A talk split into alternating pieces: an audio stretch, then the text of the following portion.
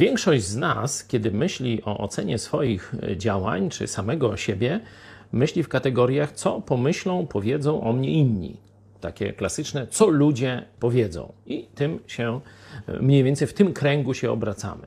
Podczas gdy o wiele ważniejszym, zgodzicie się zapewne pytaniem, jest, co Bóg pomyśli o mnie, co Bóg pomyśli o moich działaniach, jak je oceni.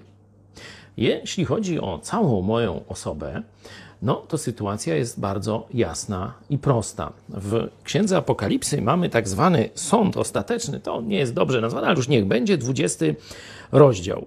I kończy on się wersetem 15. Jeśli ktoś nie był zapisany w Księdze Żywota, został wrzucony do jeziora ognistego. Prosta sprawa. Jeśli twoje imię nie zostało zapisane w Księdze Żywota, idziesz do piekła.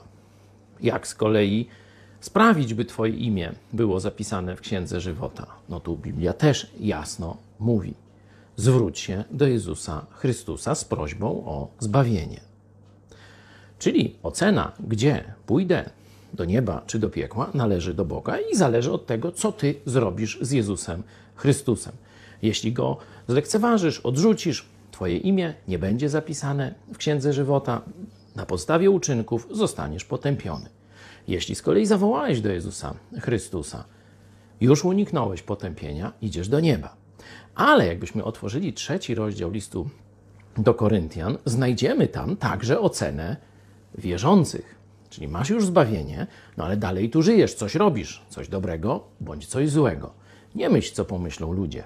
Pomyśl, co powie, jak oceni to sam Bóg. Bo opis sądu dla wierzących jest też, że przejdziesz przez sąd ognia, bo Bóg jest ogniem trawiącym. To wszystko, co zrobisz dla złych celów, zostanie spalone. To, co zrobisz dla Jezusa Chrystusa, zostanie. I za to w niebie otrzymasz pochwałę bezpośrednio od Niego.